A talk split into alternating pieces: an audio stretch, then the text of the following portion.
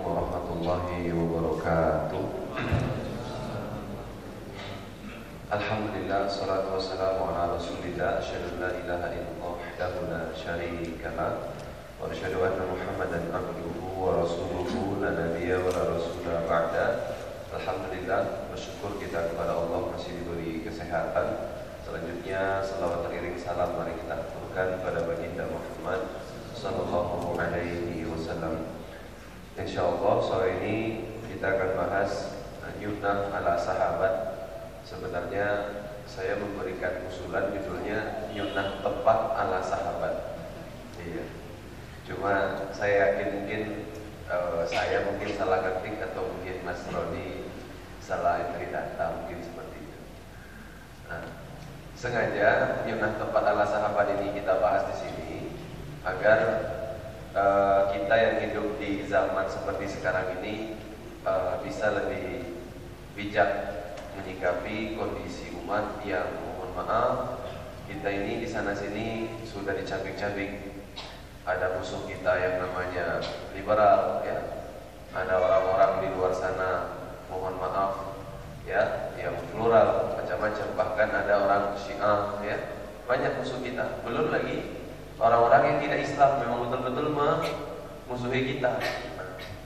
Hari ini kondisi yang seperti itu malah mohon maaf kita masih masih apa ya?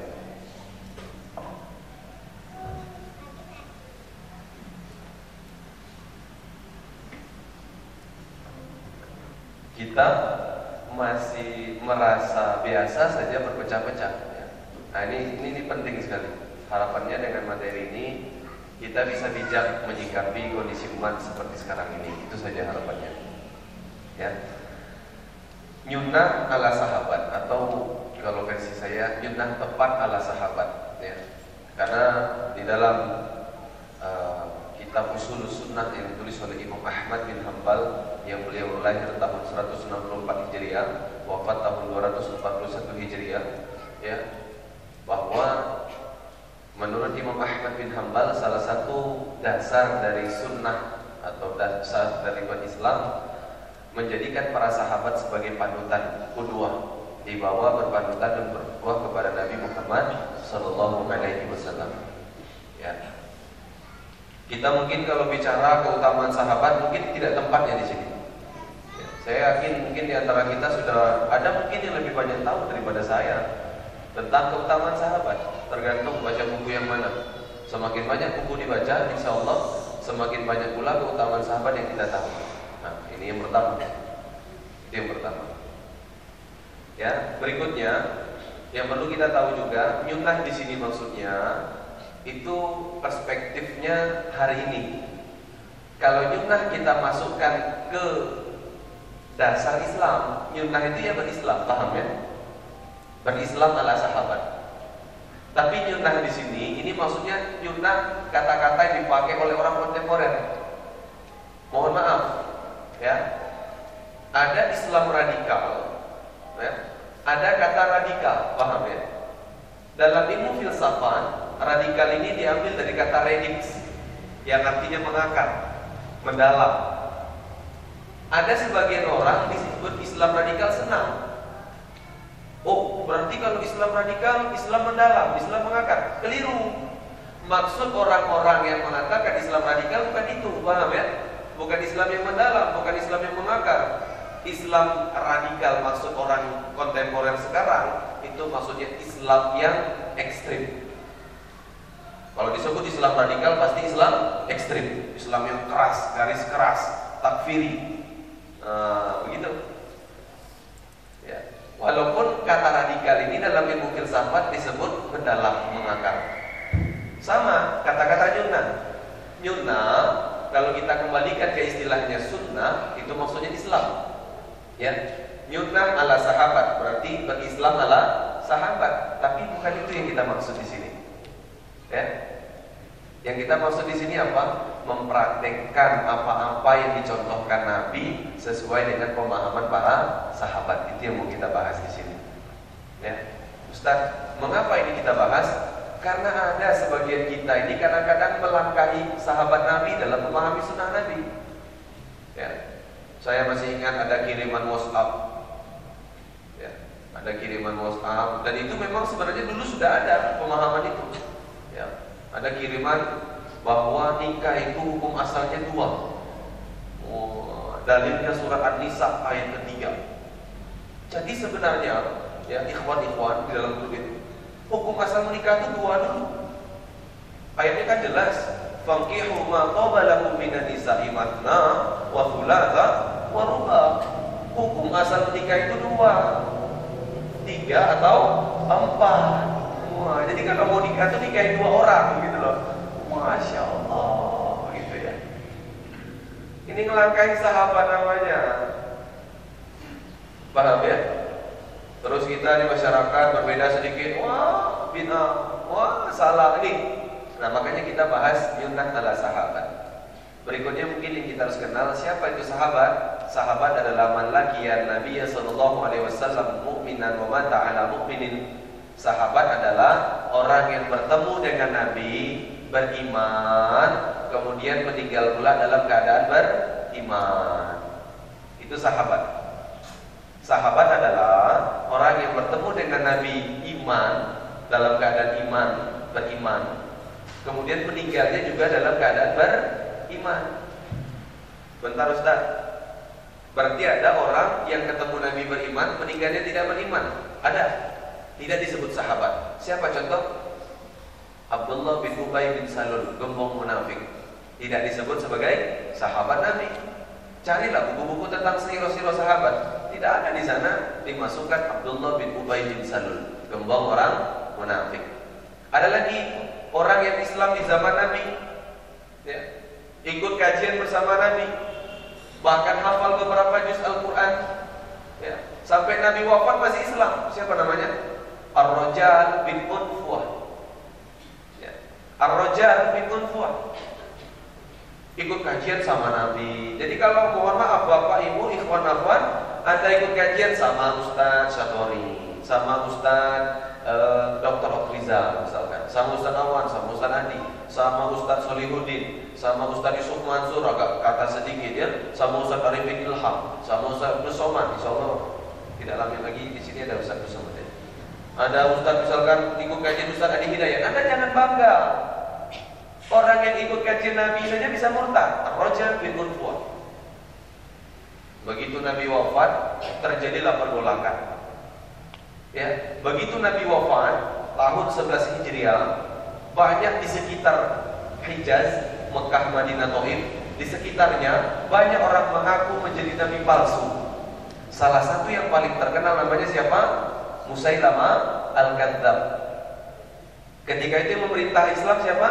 Abu Bakar As-Siddiq. Nama asli beliau siapa? Abdul Ka'bah. Ketika masuk Islam diganti namanya Abu Bakar. Beliau tidak punya nama anaknya Bakar tidak punya. Bakar itu apa Ustaz? Bakar itu bersegera, selalu terdepan. Ya Maha itu berarti Abu Bakar ya. Oh, selalu terdepan. Jadi nama Abu Bakar itu pemberian. Kenapa? Karena dia Abu Bakar selalu terdepan kalau beribadah. Abu Bakar, bapak yang selalu terdepan. Jadi mohon maaf nih, bapak-bapak, ikhwan-ikhwan yang selalu masuk kajian kajian itu terlambat terus atau sholat terlambat terus itu nanti gelarnya bahaya itu Abu Masbuk wow. kalau ya sholat tuh ya jangan telat terus lah sekali-kali telat manusiawi. Telat tiap hari. Nanti dikasih gelar lagi. Abu Masbuk atau nama belakangnya Al Masbuki. Gitu ya. Nah, ya. kembali kita. Nah, ketika itu yang memerintah adalah Abu Bakar As-Siddiq. Maka Ar-Rajal bin Urwa yang masih Islam, statusnya masih sahabat Nabi, minta izin kepada Abu Bakar Siddiq. Apa kata Ar-Rajal bin Urwa? Ya, wahai khalifatul Rasul, wahai pengganti Rasul, pengganti dalam kepemimpinan, izinkan aku. Ya, Ustaz, kenapa tidak Amirul Mukminin? Gelar Amirul Mukminin pertama kali diberikan kepada Umar bin Khattab Abu Bakar As-Siddiq ketika menjadi khalifah dua setengah tahun beliau digelari Khalifatul Rasul pengganti Rasul dalam masalah pemerintahan. Ya. Berkata Raja bin Unfa, wahai Khalifatul Rasul, Izinkan aku untuk mendakwahi Musailamah al-Kadzab. Kata Abu Bakar, ya. Karena ini sahabat kan ya baik sangka saja. Ya kalau memang mampu silahkan. Pergilah Rajal bin Unfuah mendakwahi Musailamah al-Kadzab. Apa yang terjadi? Bukannya mendakwahi malah didakwahi. Bukannya mewarnai malah diwarnai. Akhirnya murtad Rajal bin Unfuah kemudian meninggal dalam keadaan murtad. Nauzubillah min zalik. Jadi sahabat itu dia bertemu Nabi Muslim, meninggalnya juga Muslim. Bertemu loh ya. Ustaz, emang ada orang Muslim di zaman Nabi tidak bertemu, tidak disebut sahabat? Ada. Ada yang tahu namanya? Yang pertama, yang terkenal sekali, masyhur Wais Al-Qarni. Betul ya? Hidup di zaman Nabi. Ya, hidup di zaman Nabi, tapi tidak bertemu Nabi. Maka tidak disebut sahabat Nabi. Namanya apa? Tabi'in. Jadi orang tidak bertemu Nabi, pada Islamnya di zaman Nabi tetap digelari tabi'in karena bertemu dengan sahabat Nabi. Nanti naik haji kalau tidak keliru pada masa periode Kekhalifah Umar bin Khattab. Nah. Ada lagi yang Islam di zaman Nabi tapi tidak bertemu Nabi maka tidak disebut sahabat. Siapa? Raja Najasyi dari Habasyah. Ya, Habasyah, Afrika. Di daerah Afrika dulu ada daerah namanya Habasyah.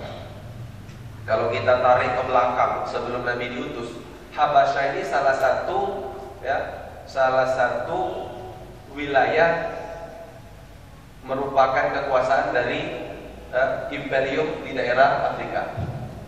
Habasyah. Sekarang itu kalau tidak keliru, Habasyah itu adalah Ethiopia. Dulu Habasyah ini sebuah kerajaan. Nama rajanya Raja Najasyi.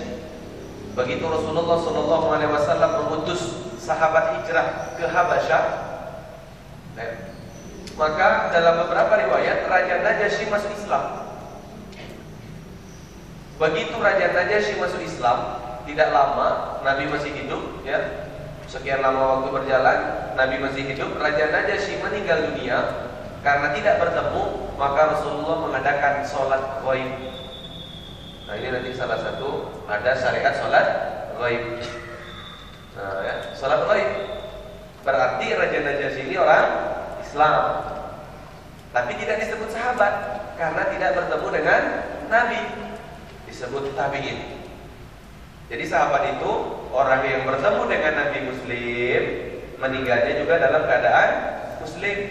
Tadi bertemu Nabi Muslim tapi meninggalnya tidak Muslim. Ada? Ada, sudah kita bahas kan? Ada orang Muslim di zaman Nabi tapi tidak bertemu Nabi, tidak disebut sahabat. Ada. Ada orang yang hidup di zaman Nabi tidak Muslim dan meninggalnya juga tidak Muslim, bertemu Nabi tapi tidak disebut sahabat. Contoh siapa? Banyak Abu Talib, Abu Lahab, Abu Jahal ya. Ini bertemu dengan Nabi ya.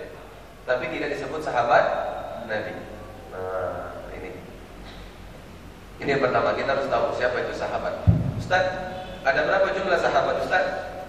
Ulama tidak ada yang berani mengatakan pasti Tidak ada yang mengatakan pasti Tapi Ar-Razi, gurunya Imam Muslim Imam Muslim periwayat hadis Itu punya guru Salah satunya namanya Ar-Razi. Ya.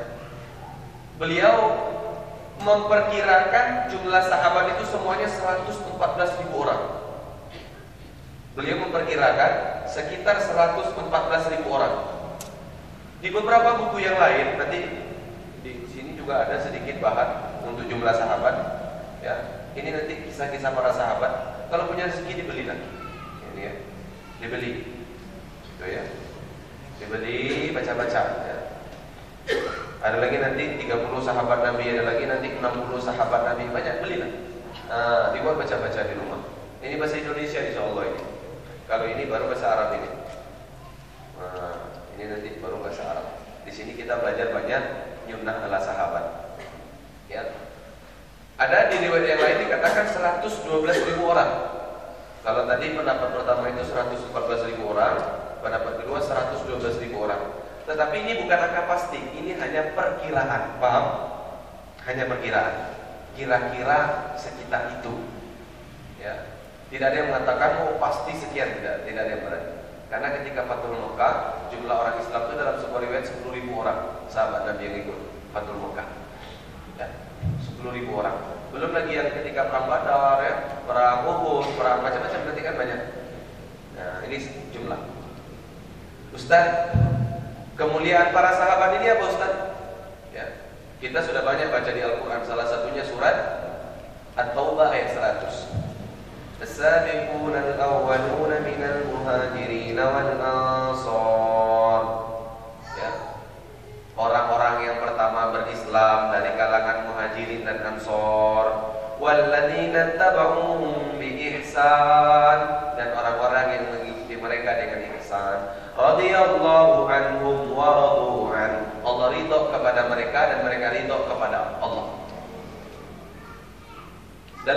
hadis qudsi ya. Allah menjamin kepada orang-orang yang lagi-lagi pertama ini masuk Islam ya, dari kalangan muhajirin dan ansor. Apa kata Allah?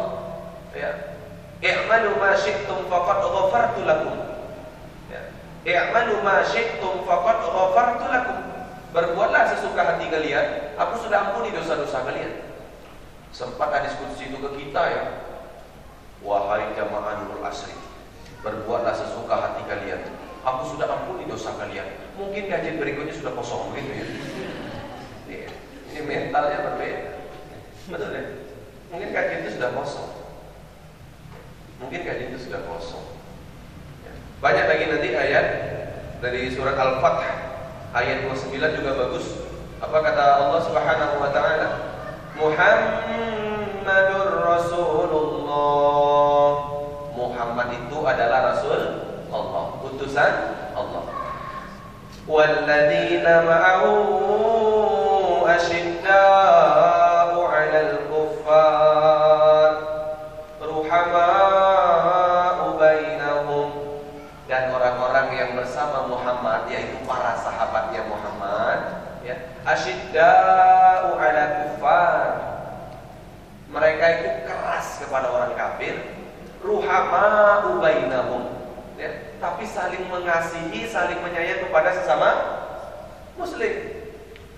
Ini dari ayat ini kita mungkin sudah harusnya tahu ini ya. Di dalam kitab Al-Fawaid ditulis oleh Ibnu Qayyim Al-Jauziyah lahir tahun 691 Hijriah, wafat tahun 751 Hijriah. Kitab Al-Fawaid halaman 138, lembar sebelah kanan. Baris berapa Ustaz lupa saya. Tapi saya kebayang-bayang Barisnya nggak kayak gitu Ya Salah satu di antara tanda ya, Salah satu di antara tanda orang itu hidupnya selamat, sukses, bahagia dunia akhirat apa? Bertambah ilmu, bertambah kasih sayangnya kepada sesama muslim. Ini sifatnya sahabat. Nanti kita bahas itu nanti, paham ya? Kita bahas keutamaan sahabat dulu. Ya?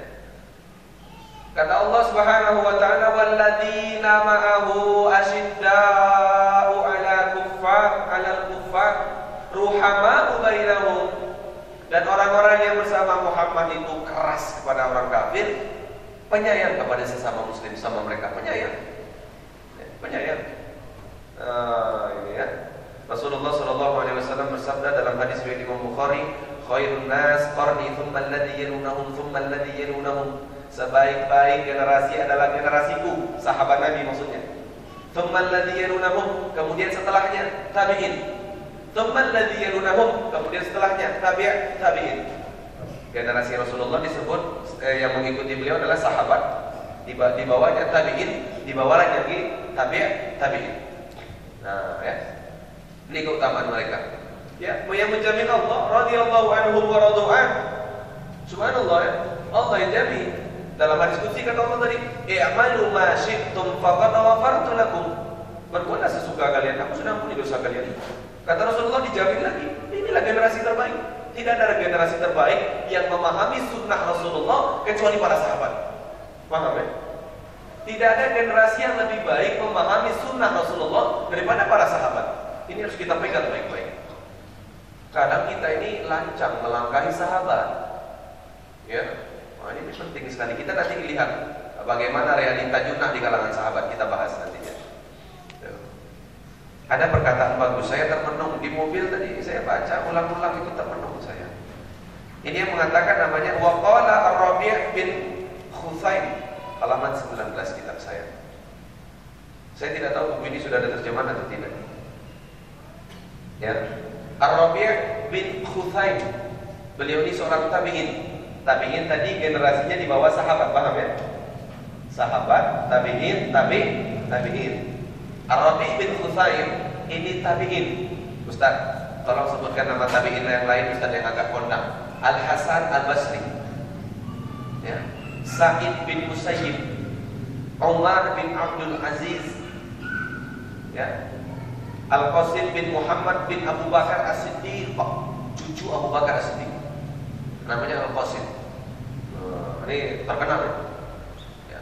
Uh, banyak lagi yang lain nanti kita baca-baca. Ya.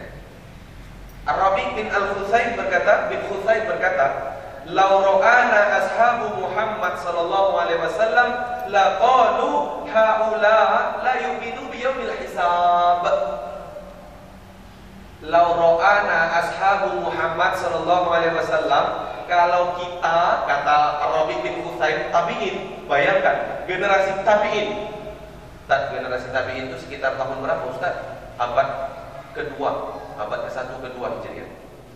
Itu tabi'in. Kalau sekarang abad 15 berarti sekitar 14 13 sampai 14 abad yang lalu. Kata Rabi'an bin Khusaim, "Lau ra'ana ashabu Muhammad sallallahu alaihi wasallam Kalaulah para sahabat Nabi Muhammad wasallam melihat kita para tabi'in Laqalu maka sungguh mereka akan berkata haula mereka ini la yu'minuna biyaumil hisab. Tidak termasuk orang yang beriman kepada hari pembalasan. Bayangkan. Itu tabiin apalagi hari ini bayangkan. Ya? jadi kita ini di mana gitu kata Imam Az-Zahabi ini ulama pertengahan kata beliau apa kalau kita melihat para sahabat Nabi hidup di zaman kita, pasti kita mengira sahabat Nabi ini orang gila. Pasti orang gila. Contoh, Abu Zar al-Ghifari ditanya, "Ya Abu Dar, wahai Abu Dar, apa yang kamu suka itu? Lapar, sakit, mati, mati." Kita demi sehat itu pakai asuransi, betul ya? Gitu loh. Lapar, sakit, mati, ini bunuh diri, gitu loh. Abu Bakar As-Siddiq punya anak, anaknya nikah dengan wanita tercantik di kota Madinah, azan berkumandang, anaknya masih cekakak cekikik, masih bersedang gurau dengan istrinya karena baru nikah ya, honeymoon lah ceritanya begitu. Ya. Datang ke masjid, ya, ketika selesai sholat masjid lihat, oh anaknya mas, mas bukan anaknya. Apa kata Abu Bakar kepada anaknya? Nah, ceraikan istrimu. Wow. Ini kalau zaman kita disebut gila ini, gila ini. Kata Imam Zahabi tadi, kalau kita lihat para sahabat hidup di zaman kita, pastilah kita menganggap sahabat itu orang gila.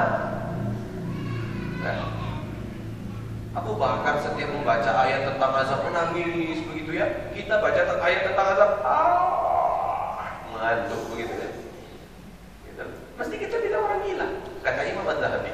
Tapi kata beliau, kalau kita ini hidup sahabat di zaman kita, kemudian sahabat lihat kehidupan kita berislam, mestilah sahabat melihat kita sebagai zindik. Insyaallah ya. Jadi ayo kita ini nih sahabat Nabi kita jadikan pedoman ya di bawah berpedoman kepada Al-Qur'an dan As-Sunnah. Bagaimana jumlah ala sahabat kita bahas. Kita sudah bahas sebenarnya tadi di awal. Surat Al-Fath ayat 29. Ruhama bainahum inilah sifatnya para sahabat mereka berkasih sayang kepada sesama muslim. Inilah para sahabat, ya.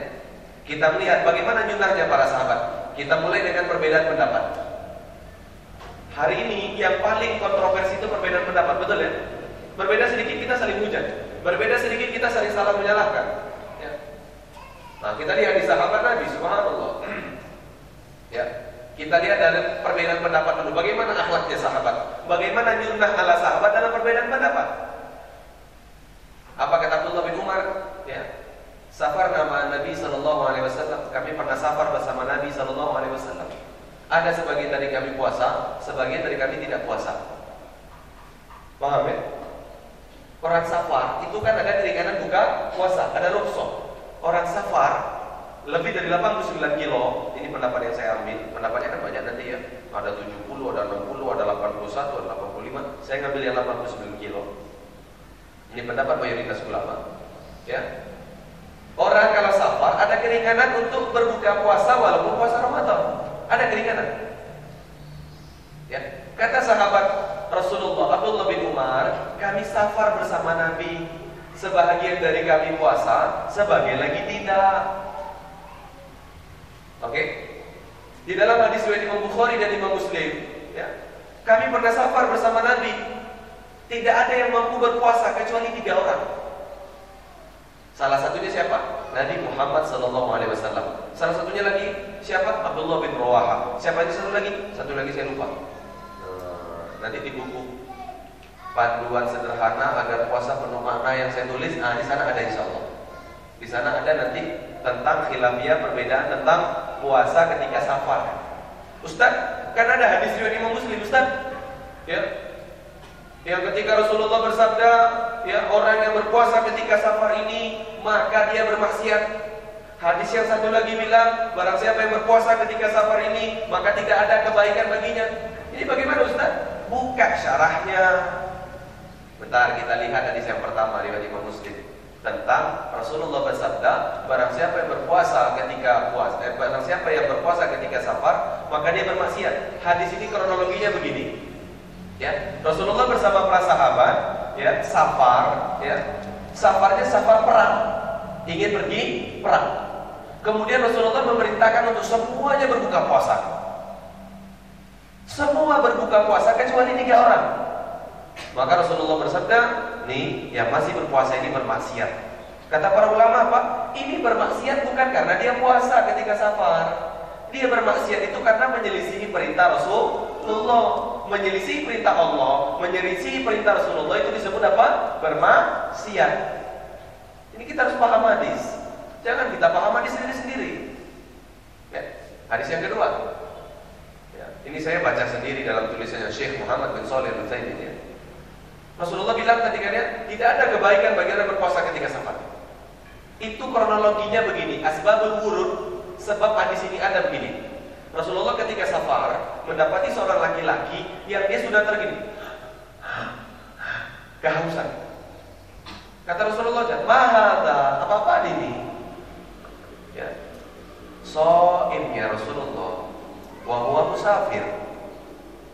Dia ini sedang puasa ya Rasulullah dan dia ini musafir.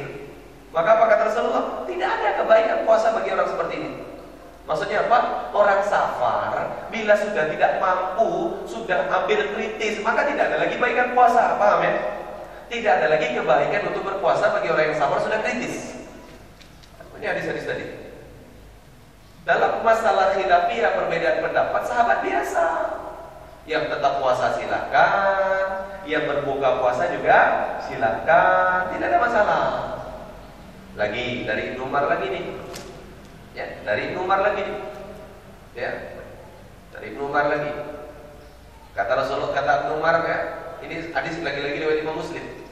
Silakan buka nanti kitab Al-Wajiz fi Islami ditulis oleh Profesor Dr. Wahab Az-Zuhaili. Jilid berapa? Jilid satu. Halaman berapa? Saya lupa. Tapi bab sholat jenazah. Insya Allah ada.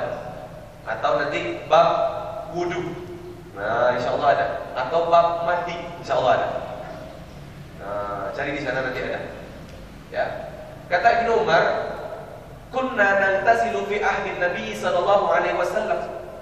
Kami di zaman Nabi itu memandikan jenazah. Ya. Faminna man yantasilu wa minna man lam yantasil. Sebagian dari kami setelah memandikan jenazah, ada yang mandi, karena menganggap setelah memandikan jenazah wajib mandi, pemandi jenazahnya mandi. Paham ya? Misalkan Mas Roni meninggal dunia, mana Mas Roni? Misal, mohon maaf ya Mas Roni gitu. Misalkan Mas Roni meninggal dunia, saya memandikan Mas Roni, misalkan. Ya. Maka ada sebagian, ah, gak jadilah. Misalnya saya dengan Mas Roni memandikan jenazah, gantilah. Mas Roni masih muda belum nikah masalahnya. Kasihan ya. cerita nanti gak baik gitu loh. Besok-besok saya nggak diundang sama Mas Roni. Ustaz Razi kok nggak misi? Oh gitu ya. Enggak. Mas Rani dengan saya memandikan jenazah. Ya.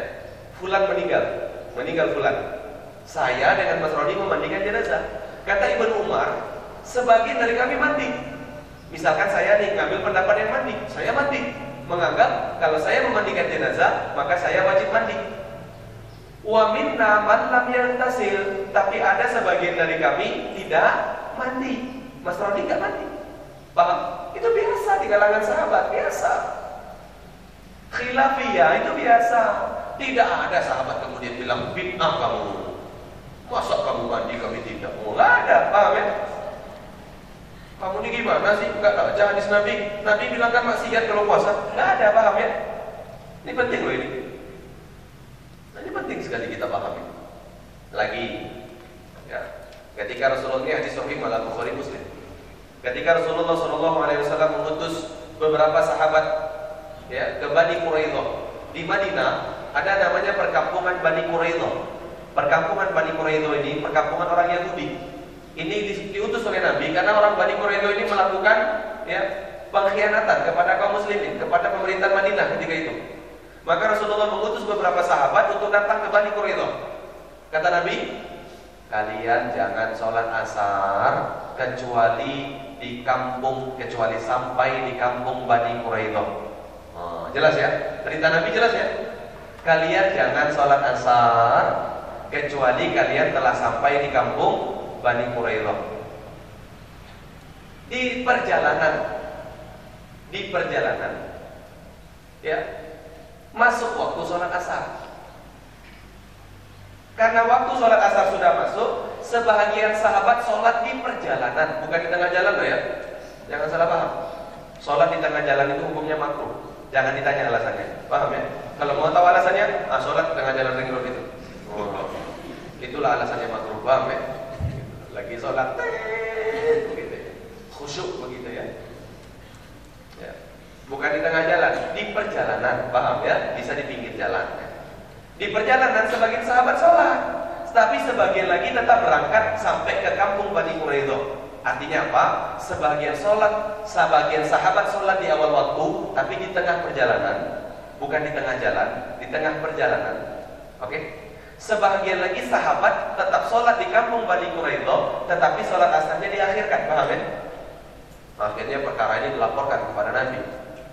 Ya, Tanya sama Nabi, eh kalian yang sholat di tengah di perjalanan, kenapa kalian sholat di perjalanan? Apa kata mereka?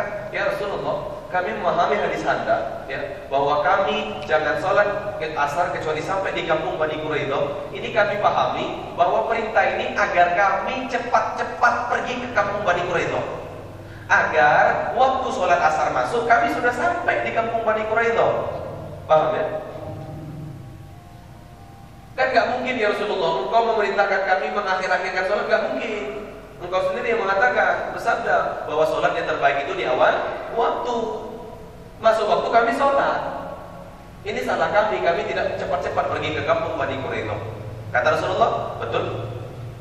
Lah kalian, kenapa sholat diakhirkan? Lah kan anda sendiri yang bilang ya Rasulullah, ya jangan sholat asar kecuali di kampung Bani Quraidah ya sudah kami sholatnya di kampung Bani Quraidah walaupun telat-telat dikit betul mau bayangkan dua-duanya betul paham ya?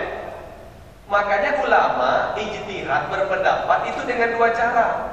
Ada caranya mendalami hadis itu ya dianalisa sedalam-dalamnya. Ada caranya apa adanya. Apa adanya hadis ya pakai. Yang dipakai oleh ulama contoh ini bagaimana? Zakat fitrah. Imam Malik, Imam Syafi'i, Imam Ahmad bin Hambal mengambil apa adanya hadis. Bahwa yang namanya zakat fitrah dengan menggunakan kebutuhan pokok. Kalau orang di daerah sekitar Arab sana gandum, kalau kita memakai beras. Tapi Imam Abu Hanifah dan Mazhab Hanafiyah bilang enggak. Hadis ini digali, paham? Ini hadis maksudnya agar supaya kebutuhan orang ketika hari raya nanti itu terpenuhi. Kata Imam Abu Hanifah dan Mazhab Hanafiyah, ini sekarang masyarakat modern, semua orang punya beras. Semua orang punya kebutuhan pokok. Orang nggak punya uang. Paham? Orang punya punya kebutuhan pokok sekarang, tapi orang nggak punya uang untuk beli baju baru. Orang nggak punya uang untuk beli makan makanan ringan. Orang nggak punya uang untuk jalan-jalan. uh, maka kami mazhab kami uh, membolehkan bahkan lebih utama zakat fitrah dengan uang dengan dua cara tadi kan apa adanya hadis dan memahami hadis dengan cara mendalam membedah hadis paham ya nah sahabat itu Yunnan berislam paham ya itu caranya bagaimana terhadap hal khilafiyah mereka tidak saling menyalahkan mereka bertoleransi. Saya baca tulisannya Dr. Hamid Fahmi Zarkashi. Kalau tidak keliru, jabatan beliau Wakil Rektor Unida Gontor, Universitas Darussalam, Darussalam Gontor. Ya, beliau ini setahu kami kolumnis terbaik. Salah satu hasil kolumnis beliau, tulisan kolom beliau, kitab buku Al-Mishkat saya kalau boleh syarat anak-anak muda, bapak-bapak, ibu-ibu sekalian, kalau bisa beli beli buku al-miskat ini, baca baik-baik. Ini benteng kita dari pemahaman-pemahaman yang tidak tidak. Dari pemahaman kontemporer seperti liberal, plural, sekuler dan yang lainnya. Buku ini bagus. Nah, ya. Beliau membuat sebuah tulisan kecil. Apa judulnya? Apa yang beliau tulis? Hari ini kita orang Islam itu ya digiring untuk bertoleransi kepada orang yang tidak Islam, tetapi tidak bertoleransi kepada sesama Islam. Hari ini kita digiring, ya, kita dihasut untuk bertoleransi kepada orang yang tidak Islam, tapi kepada sesama Islam kita malah nggak bertoleransi. Ini kebalik dengan surah Al-Fatah ini, ayat 29. Ya. Nah, ini ya. Kalau kita mau contoh sahabat dalam al-Yunnah, dalam masalah khilafiyah ini paling sekarang ini yang paling banyak maka kita harusnya bertoleransi sahabat sesama sahabat tidak pernah saling salah menyalahkan ya oh bid'ah kamu ini. Nabi kan bilang sholat asar di Bani Quraizo kau sholat di perjalanan ada asar ini. Ini mengada-ngada ini. Mengada-ngada ini enggak pernah begitu. Paham ya? Nabi enggak pernah begini kok kalian begini? Enggak pernah begitu. Ya. Silakan baca nanti ada kitab bagus judulnya Fikih Sunnah Lin. Ya, fikih sunnah untuk perempuan, untuk wanita. Ya. Dinukil sebuah riwayat, beberapa sahabat itu menghadiri acara walimah pernikahan, walimatul urs. Ya, acara pernikahan. Ketika acara pernikahan tadi berlangsung, bernyanyilah seorang muda wanita, pahami baik-baik ya. Saya bukunya punya, nanti kalau ada yang merasa ragu boleh japri saya, Ustaz tolong fotokan bagian tadi, saya fotokan insya Allah. Ya. Nanti covernya saya fotokan, isinya saya fotokan. Ya. Ada sahabat-sahabat Nabi beberapa orang yang menghadiri walimatul urus pernikahan. Di acara walimatul urus itu, ya, menyanyilah seorang budak wanita. Datang beberapa orang tabiin. Nah, ingat ya, tabiin ini generasi setelah sahabat. Datang beberapa orang tabiin berkata kepada sahabat ini di depan sahabat ini berkata, ini mungkar ini, ini nggak boleh ini, dosa ini, maksiat ini. Wow, kalau bahasa sekarang bid'ah, oh begitu lah ya, mantap begitu ya, bilang bid'ah mantap begitu ya. Apa kata para sahabat Nabi yang duduk ikut ini? Kau ini sudah maklum di sini dan ini sudah kebiasaan di sini. Kalau kau suka, duduk di sini dengarkan. Kalau tak suka, tidak usah duduk di sini. Bagaimana? Apa yang diucapkan tabiin itu hari ini banyak diucapkan orang yang baru kajian, betul ya? Ustadznya itu kompak, akur. Ini orang yang ikut kajian dia gontok-gontokan, paham ya? Gitu loh. Ustadznya akur. Kemarin ada foto lagi. Saya senang banget melihatnya ya. Ada tiga ustadz yang agak muda gitu ya agak muda karena kalau yang muda kan di bawahnya umurnya gitu loh ya kalau di atasnya agak senior Ustaz Somad itu itu senior itu ya udah ya Ustaz Hamid Fahmi Zarkashi misalkan ya dan sekaliber beliau itu sudah senior ya ya Ustaz Arifin Ilham itu Agim itu senior ya ada di bawahnya. Di bawahnya lagi Ustaz Ustaz agak muda ya. Mudanya udah agak gitu ya. Maksudnya sudah mau senior begitu ya. Kayak kemarin itu foto bertiga itu Ustaz Felix Show Ustaz Umar Mita sama Ustaz Hanan Hanan Ataki bertiga. Subhanallah. Ketiga-tiga memberikan uh, semacam testimoni dari foto ini subhanallah ya Saya ngeliatnya oh senang banget begitu. Alhamdulillah. Sudah ada arahnya bagaimana kita ini ruhama ubainahum saling mengasihi. Walaupun berbeda wajar. Kita itu berbeda ya wajar. Coba bayangkan kita yang hadir di sini semuanya sama. Matanya sama-sama, misalkan ya, hidungnya sama, bibirnya sama, alisnya sama, rambutnya sama, keningnya sama, jidatnya sama, jenggotnya sama. Wanita pun pakai jenggot, masya Allah. Ya. Sama semua. Atau udahlah kita pisah saja lah masalah pakaian. Wanitanya pakai cadar semua, warnanya hitam semua, misalkan sama semua, kaos kakinya sama semua, begitu ya. Mohon maaf, semuanya sama, begitu. Laki-laki juga begitu, celananya sama, semua sama. Bahaya loh nanti itu, begitu loh. Nanti istri orang dianggap istri sendiri kan. Ma, Umi, begitu ya. Orang rupanya istri orang itu lah begitu loh, bahaya. Begitu. Ustaz, kan ada kan ada magnet Ustaz. Ya magnet magnet, tetapi diajarkan loh di dalam Islam, hati-hati masuk ke kamar orang lain. Ada loh bikinnya, jangan salah ya. Nah, itu loh. Kok ada beda-beda sedikit itu manusiawi. Kalau dalam hal begini saja bisa berbeda, apalagi dalam masalah pendapat, paham ya? Dalam masalah pakaian yang itu sebenarnya biasa banget, kok bisa berbeda? Apalagi dalam masalah ini. Berpendapat, mesti kita berbeda. Saya yakin di antara kita mungkin ada yang memakai kunut subuh. Saya tidak, nggak ada masalah. Saya yakin mungkin ya, ada di antara kita kalau zikir dijaharkan, silakan, nggak ada masalah. Paham ya? Tuh.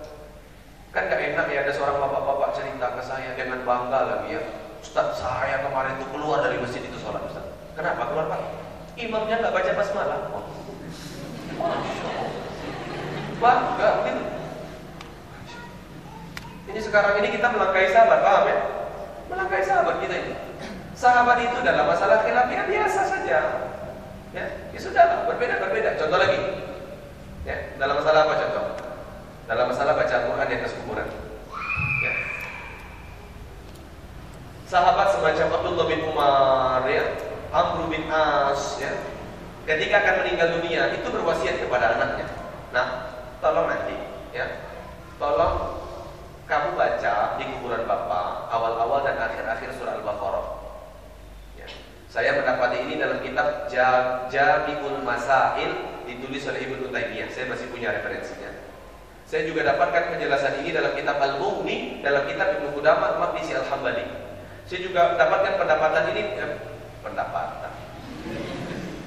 Saya juga mendapatkan pendapat ini ya, pembahasan ini dalam kitab At-Tadhkirah fi Ahwalil Mauta wa Umuril Akhirah ditulis oleh Imam Al-Qurtubi Al-Andalusi Al-Maliki.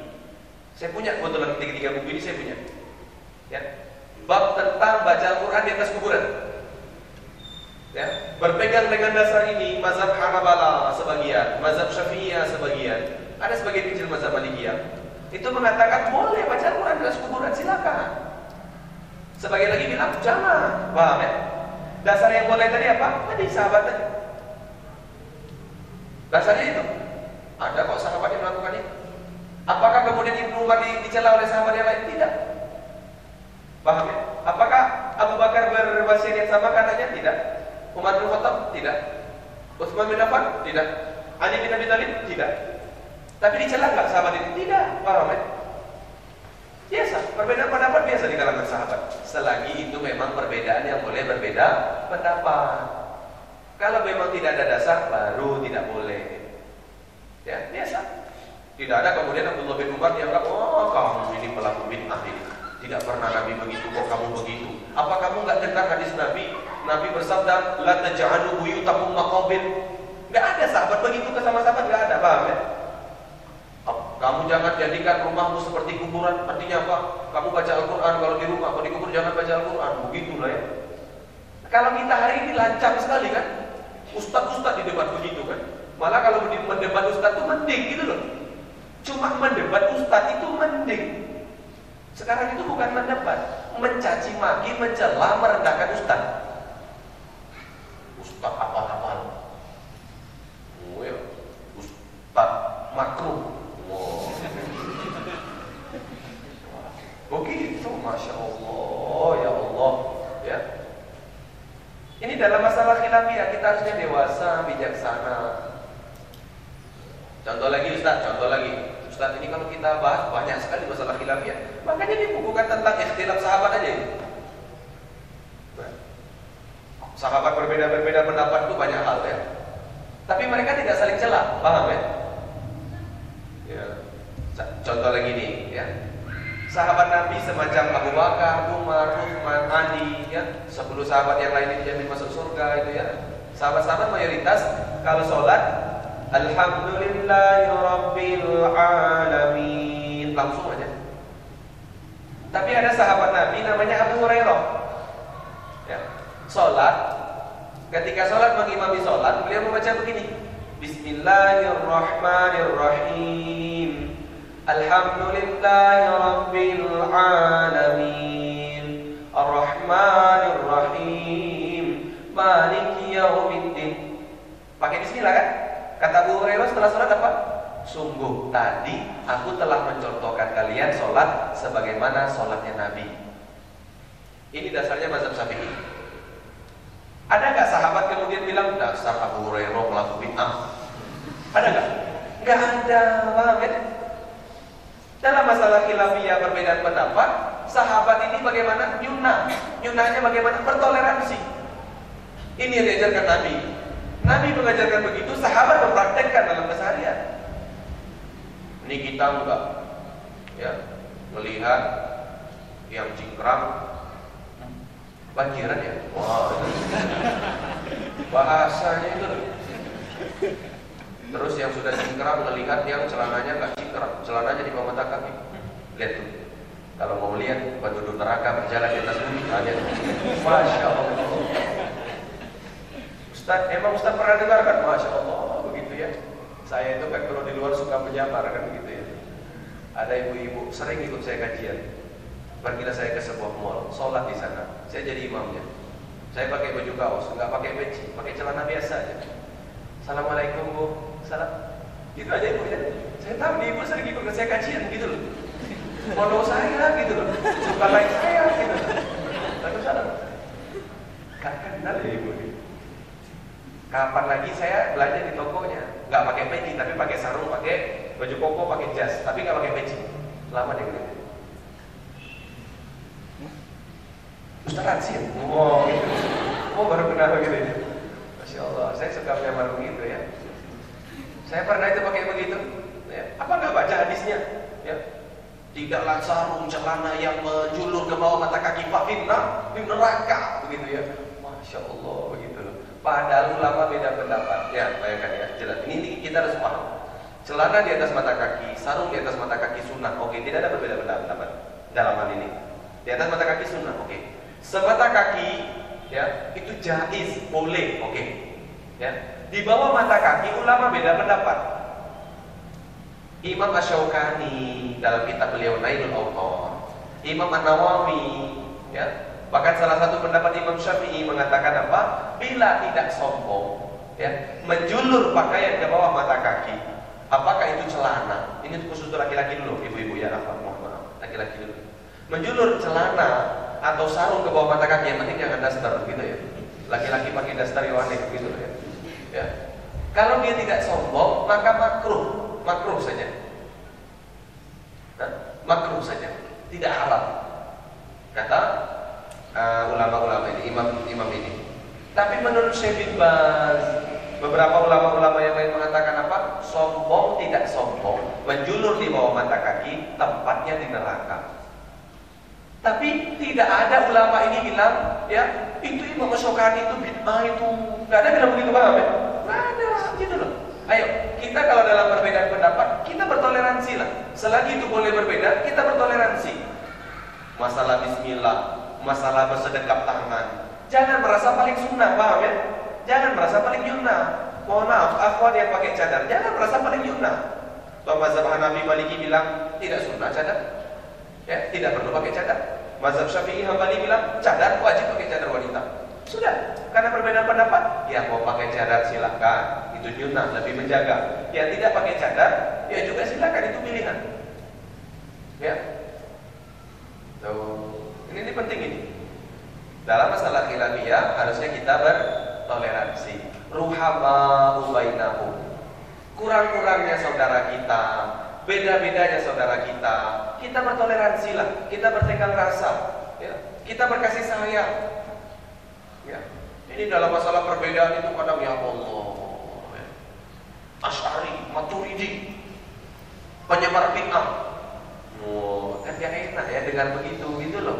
Giliran mohon maaf, Islam diolok-olok. Ini orang diem gitu loh. Ya. Islam diolok-olok diem. Jangan Jangan kita tumpul ke atas, ringan ke bawah, tajam ke bawah, paham ya? Jangan kita tajam kepada sesama muslim, tapi tumpul kepada yang tidak muslim karena mentang-mentang mereka berkuasa. Paham ya? Padahal kata Allah tadi apa? Sahabat Nabi itu mereka apa? Ya, asyidda alal kufar ruhama ubainahum. Keras kepada orang kafir, berlemah lembut berkasih sayang kepada sesama muslim. Ayo, ini pertama dalam hal khilafian, perbedaan pendapat. Mulai sekarang, kalau ada sesuatu kok kita nggak tahu, diam saja. Jangan komentar. Jangan-jangan dia benar, kita yang salah. Paham ya? Tuh. Saya masih ingat itu ada seorang ikhwan, dia pakai sorban. Terus ada temannya pakai peci nasional. Ustaz, peci nasional yang bagaimana Ustaz? Tak, tak, tak cari. Ah, peci nasional tuh kayak belakang dua itu. Peci nasional itu. Ah, peci nasional. Di depan gak ada yang pakai peci nasional. Ini nasionalismenya kurang berarti. Ah, ini Ustaz juga kurang nasionalisme. Bukan, saya tuh kalau pakai peci nasional tuh kayak anggota dewan saya. Makanya saya nggak mau pakai gitu. Pada saya disebut pejabat itu ya. Nggak nyaman, saya nggak nyaman. Bukan hati, paham ya? Kepala yang nggak nyaman, paham ya? Saya kalau pakai peci nasional itu kurang pas gitu loh, ngerasa kurang ganteng gitu loh. Memang kurang ganteng gitu, tetap aja kurang ganteng kan gitu ya. Tapi kalau pakai ini merasa agak pas lah gitu, agak ganteng dikit lah gitu ya. Makin berdiri ya. Itu mohon maaf ya. Dia pakai sorban, temannya datang pakai peci nasional. Enak, enteng sekali dia bilang begini. Yang sunnah itu ini, itu tuh mana sunnahnya dia bilang. Emang Nabi pernah pakai peci nasional? Oh. Masya Allah, begitu. Itu tingkat ekstrim itu, ekstrim sekali. Masya Allah ya. Saya mau tanya, sorban itu sunnah atau tidak? Bekam itu sunnah atau tidak? Tata cara duduk Nabi ketika makan itu sunnah atau tidak? Ya. Saya baca dalam kitab Al-Wajiz di Usulil Fikhi. Nanti bisa pula dibaca dalam buku kitab uh, ditulis oleh Asas yang dan yang lainnya. Ya. Perbuatan Nabi itu ada tiga. Ada khosois, ada jabaliyah, ada sunnah. Sebagaimana biasa yang kita tahu. Ada khosois. Khosois itu kekhususan Nabi yang boleh melakukan cuma Nabi. Contoh istri Nabi sembilan. Ini ikhwan gak boleh ikut ikutan. Ikhwan nanti pulang ke rumah kalian udah punya, udah punya istri nih, mak. Nabi itu istrinya sembilan rumah. Aku berarti cari delapan lagi. Aku mau nyunah ala Nabi, gak mau ala sahabat, ala Nabi. Itu khosois namanya, paham khosois?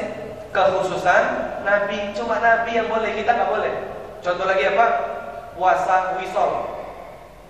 Puasa 36 jam. Betul ya, 36 jam. Iya, 36 jam.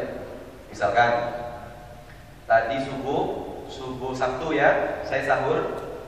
Sampai sore nanti saya nggak buka, malam saya nggak makan. Besok pagi subuh saya nggak sahur, minggu. Sampai minggu sore maghrib saya buka, itu puasa wisal namanya. Ini hadis sohi Rasulullah puasa wisol. Kemudian beberapa sahabat nyontoh. Apa kata Rasulullah? Jangan. Aku dikasih makan oleh Allah. Artinya aku mampu, kalian gak akan mampu, paham ya?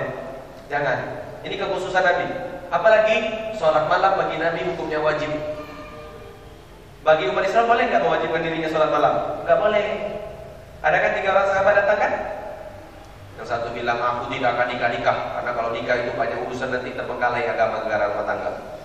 Yang satu lagi bilang aku tidak akan pernah tidur di malam hari. Aku akan sholat malam terus. Yang satu lagi bilang, aku tidak akan pernah berbuka di siang hari. Aku akan selalu berpuasa di siang hari. Kata Rasulullah apa? Aku menikah, aku bangun, aku tidur, aku tidur, aku bangun. Ya? Aku berbuka, aku puasa, aku berbuka. Faman raghiba an sunnati falaysa minni. Orang yang tidak suka dengan sunnahku bukan golonganku kata Rasulullah. Subhanallah. Ya, tidak boleh mewajibkan atas diri kita salat malam. Yang wajib salat malam hanya Rasulullah. Itu kekhususan Nabi. Itu khosois. Ada namanya Jabaliyah. Jabaliyah itu apa? Jabaliyah itu perilaku Nabi sebagaimana manusia biasa. Ya, Imam Ahmad bin Hambal memasukkan bekam kepada Jabaliyah, bukan sunnah. Barang siapa yang mengatakan berbekam adalah sunnah, sungguh dia telah keliru, kata Imam Ahmad bin Hambal. Apalagi yang Jabaliyah, selain bekam, sorban. Sorban itu dimasukkan kategori Jabaliyah. Terus yang sunnahnya apa? Menutup kepala agar rambut tidak terurai ke depan ketika sholat atau ketika perjalanan tidak terkena najis ya, menutup kepala. Apakah pakai sorban? Apakah pakai peci swasta kayak saya ini? Peci swasta. Ini Made Turki. Saya lupa beli di mana, harganya berapa, gitu ya. Made Turki. Atau pakai peci nasional tadi itu loh. Nah, itu loh. Yang penting jangan pakai topi gaul kalau sholat ya. Itu loh. Pakai topi gaul di belakangnya lagi. Oh itu di belakang ini ada tulisan lagi di sana. Repot. Orang sholat itu kan mengeja-geja jadinya. Repot. Gak enak gitu. Jangan pakai topi Natal itu ya. Nah ini nggak boleh, gitu loh. Ini kita penting ngerti sunnah ini, nyunahin karena sahabat ini penting. Ya. Yang ketiga itu baru sunnah. Sunnah itu yang Rasulullah anjurkan. Pakai baju putih, sunnah. Betul ya? Betul. Celana di atas mata kaki, sunnah. Itu. Ya. Puasa Senin Kamis, sunnah. Makan dengan tangan kanan, sunnah. Jenggot dipanjangkan, sunnah. Mencukur jenggot hukumnya apa? Haram atau makruh? Mayoritas ulama bilang makruh, bukan haram. Ya. Cukur kumis, sunnah. Cabut bulu ketek, sunnah. Enggak mampu dicabut, kata Imam Nawawi, cukur enggak apa-apa. Bulu ketek ya. Kalau Ustaz cabut atau cukur? Cabut kalau saya. Itu sunnah, paham ya? Istinsak, istinsak, kumur-kumur sunnah begitu ya. Nah, ada yang sunnah memang dianjurkan dalam Islam. Lah kita harus tahu ini. Tuh. Nah, kita cepat. Berikutnya kita mencontoh Yunna ala sahabat dalam hal apa tadi khilafiyah sudah. Yang kedua dalam masalah bertengkar. Dalam masalah berselisih Bukan berbeda pendapat lagi, ini bertengkar ya. Paham ya bertengkar? Tahu bertengkar? Bertengkar, paham ya? Ini bukan berbeda pendapat ini. Ini sudah arahnya ini perkelahian arahnya. Kita contoh sahabat. Ingat ruhama ubainahum. Ya. Ketika suatu hari ya adalah perbincangan tentang perang. Kalau tidak keliru itu tentang perang ya yang berbicara di situ ada Abu Dhar Ghifari, macam-macam ikut berbicara di sana. Salah satunya, ya, datanglah berbicara tanpa diminta Bilal bin Abi Robah mengeluarkan statement pendapat. Maka karena tidak suka, Abu Dhar berkata, Wahai budak hitam dari ibu yang hitam. Paham ya? Ini kalau kita sekarang digituin, kamu mau mencela saya sahabat Nabi, kafir loh kamu. Mungkin gitu kalau kita ya. Tapi bilang nggak begitu. Ya. Ya, apa kata Bilal mendengarkan perkataan Abu Dhar Al-Ghifari? Anda jangan remehkan Abu Dhar Al-Ghifari. Ya. Pelopor hidup sederhana itu Abu Dhar Al-Ghifari. Tidak ada pelopor yang lebih sederhana dari beliau. Ya. Ini sahabat hebat. Ya. Abu Dhar Al-Ghifari. Bilal bin Abi hebat lagi dijamin masuk surga. Saya punya buku tuh di mobil nggak dibawa di sini. Ada 30 sahabat yang dijamin masuk surga. 30 itu bukan 10, 30. Yang 10 itu apa Ustaz? Itu yang dijamin awal-awal masuk surga. Ya. Ada 30 sahabat yang dijamin masuk surga, salah satunya nanti Bilal bin Abi Rabah. Ini sahabat hebat, dua-duanya mulia ini. Ketika Abu Dhar al-Ghifari berkata kepada Bilal bin Abi Rabah, "Wahai budak hitam dari ibu yang hitam." Diam, gak usah ngomong. Maka Bilal bin Abi Rabah berkata apa? Ya, kami tidak akan memfonis sampai Nabi mengeluarkan fonis. Itu bahasa kerennya. Kami tidak akan menghukumi sampai Nabi menghukumi. Kalau kita mungkin zaman sekarang, apa kau bilang? Kurang ajar. Mungkin kita begitu ya. Dari awal memang kau rupanya merendahkanku ya. Mungkin begitu kalau kita ya. Tak laporin Nabi kau ya, tak laporin Nabi. Tak mati kau. Mungkin begitu kalau kita ya. Kalau kita mungkin begitu, gitu loh. Dicari kesalahan sahabatnya dicari kalau kita begitu. Ini datang kepada Rasulullah cerita, kronologi disampaikan. Maka marah Rasulullah kepada Abu Dhar al-Ghifari. Marah Rasulullah. Karena tahu sadar diri. Abu Dhar juga sadar diri, gitu loh. Lah kalau kita mungkin bela diri kan?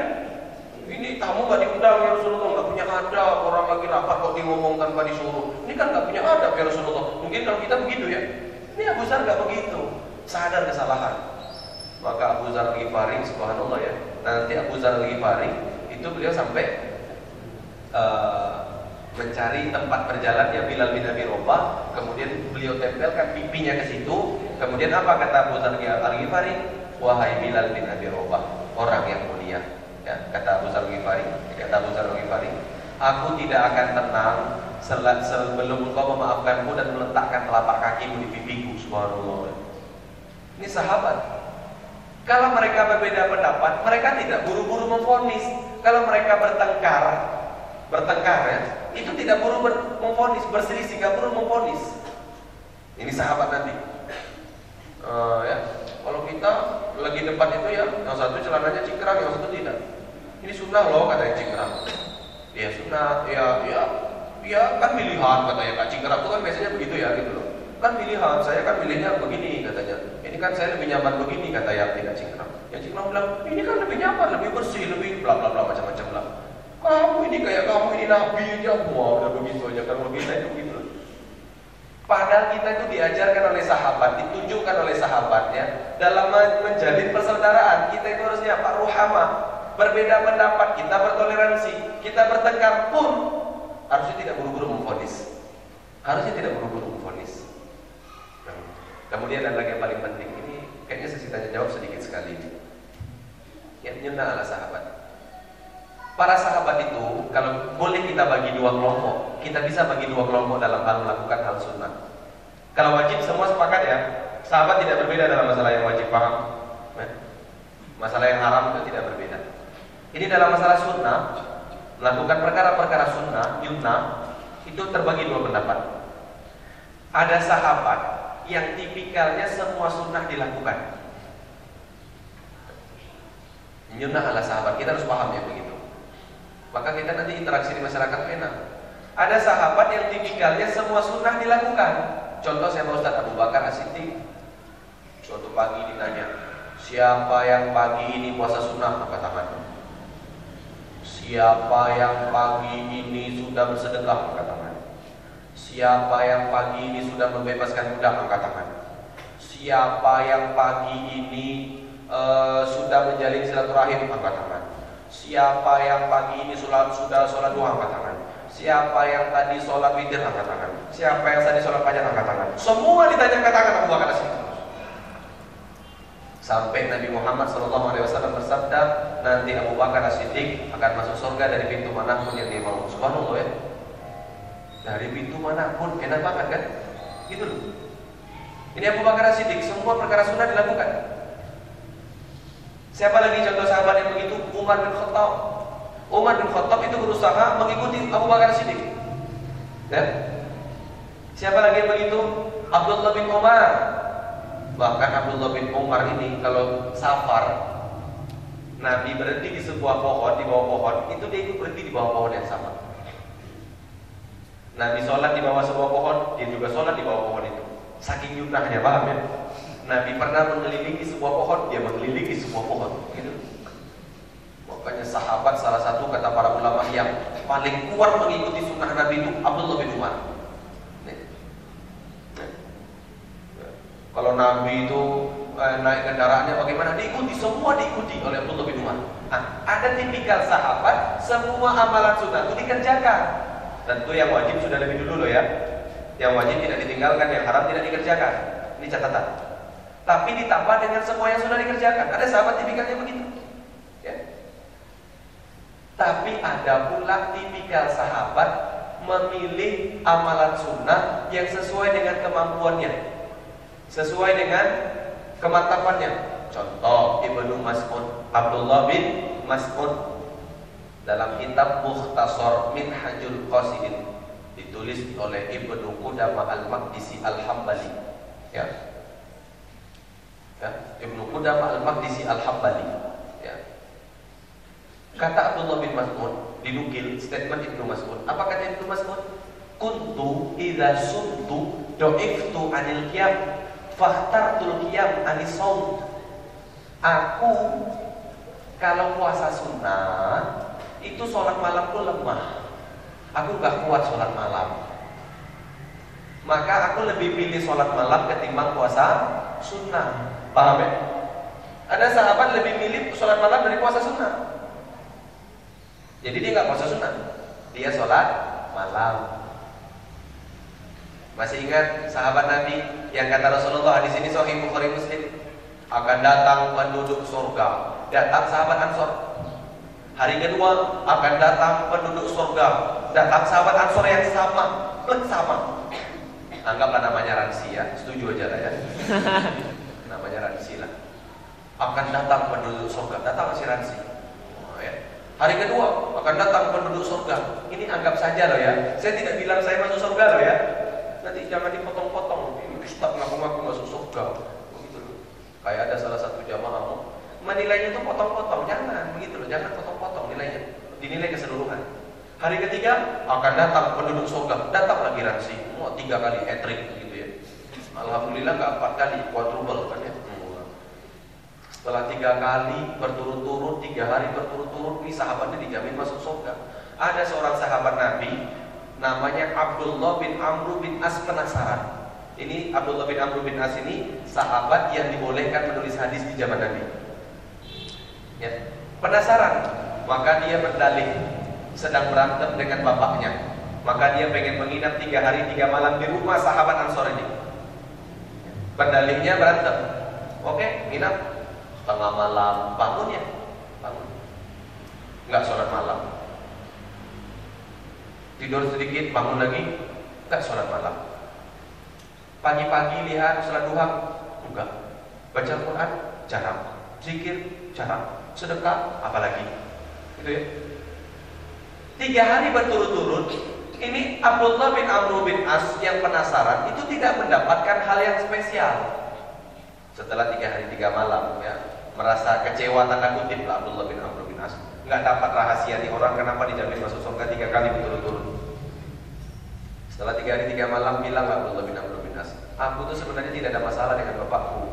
Aku tuh ke sini nginap pengen tahu amalanmu Nabi itu tiga kali tiga hari berturut-turut bilang kamu masuk surga. Pak akan datang penduduk surga yang datang tuh kamu tiga kali berturut-turut. Lah aku tuh penasaran amalanmu itu apa? Kata sahabat ini aku nggak punya amalan spesial seperti itulah yang kau lihat. Aku kerjakan yang wajib, aku tinggalkan yang haram. Melangkah akan pergi eh, sahabat Abu Abdullah bin Amr bin As, maka sahabat ini bilang apa? Sebentar, sebentar. Ada satu amalan yang memang aku jaga, kata beliau. Apa? Aku tidak pernah hasad, tidak pernah iri, tidak pernah dengki kepada saudara-saudaraku yang lain. Subhanallah ya. Amalannya cuma sebegitu kalau bahasa kita. Sekarang itu kita puasa sunnah enggak, bukan golongan kami. Masya Allah begitu. Eh, sholat malam enggak, bukan golongan kami. Orang itu dilihat dia penduduk surga atau tidak bukan dilihat dari sholat malamnya, bukan dari puasa sunnahnya, bukan dari one day one jusnya, paham? Ya. Amalan orang itu kayak sahabat tadi Ada yang semua sunnah dilakukan Ada pula tipikal sahabat Pilih-pilih amalan sunnah Contoh lagi Ustaz, hadis Sahih Bukhari Muslim. Siapa? Bilal bin Abi Rabah. Apa amalannya? Setiap batal wudhu beliau berwudhu. Dan setelah berwudhu beliau sholat dua rakaat. Sholat sunnah setelah wudhu. Ada ulama yang beri nama selama sholat apa? Sholat tahur. Milih sholat itu. Itu dilakukan terus. Sorga. Sahih Bukhari Muslim. Kata Rasulullah, sorga. Ya, subhanallah ya, sorga. Nah, ini nyunah ala sahabat ya. Selain dua yang kita pelajari di awal. Yang ketiga ini apa?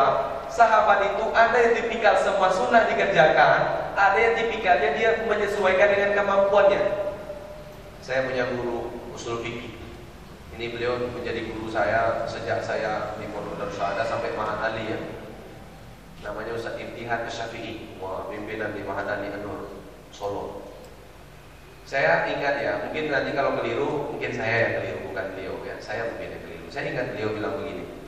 Saya itu kata beliau, kalau puasa, ya, puasa sunnah, itu saya lemas, ngantukan kata beliau. Maka saya lebih milih untuk tidak puasa sunnah agar tetap bisa beraktivitas yang maksimal, membaca, mengajar, menulis, menjawab pertanyaan dan segala macamnya.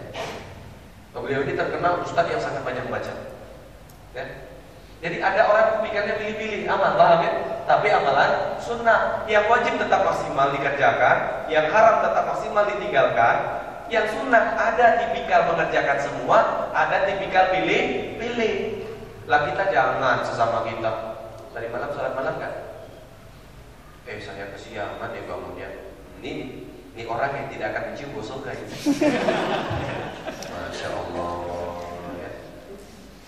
Kita sunnah itu beda-beda, paham ya? Ada yang milihnya melakukan sholat malam istiqomah, ada yang memilihnya puasa sunnah istiqomah, ada yang memilihnya sholat fajar. Ini jam masih lewat 4 Ini bohong ini jamnya. Wah, Allah. Ini jam masih jam lewat 4 6 lewat 4 di sana 6 lewat 9 Mohon maaf, saya itu patokannya ini tadi.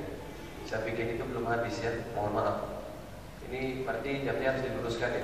Karena khotib mesti melihat ke sini nih. Gak mungkin kan khotib kalau khutbah Innal hamdalillah. Bukan mungkin. Ini saya usul ke masjid. Jam yang di Timur Bibar Oh kayak apa timur mimbar. Ini jam ini tolong nanti di apa dibenarkan. Karena jam yang di sana saya kalau khutbah itu mesti nggak lihat itu jam di sana nggak jelas paham ya? Kalau jam di sini jelas. Jadi tolong nanti di eh, akuratkan. Mohon maaf ini rupanya waktu kita habis ya, materi kita belum selesai tapi tidak apa-apa. Setidaknya kita dapat gambaran paham ya? Oh berarti sahabat itu begitu. Sebenarnya ada beberapa yang pengen disampaikan, tapi pada Allah karena waktunya habis. Mudah-mudahan nanti di lain kesempatan kita bisa bahas, tetapi mungkin dengan judul berbeda ya. Karena dengan judul yang sama nanti mesti nggak mau datang itu biasanya. Ah sudah tahu, mungkin begitu lah ya.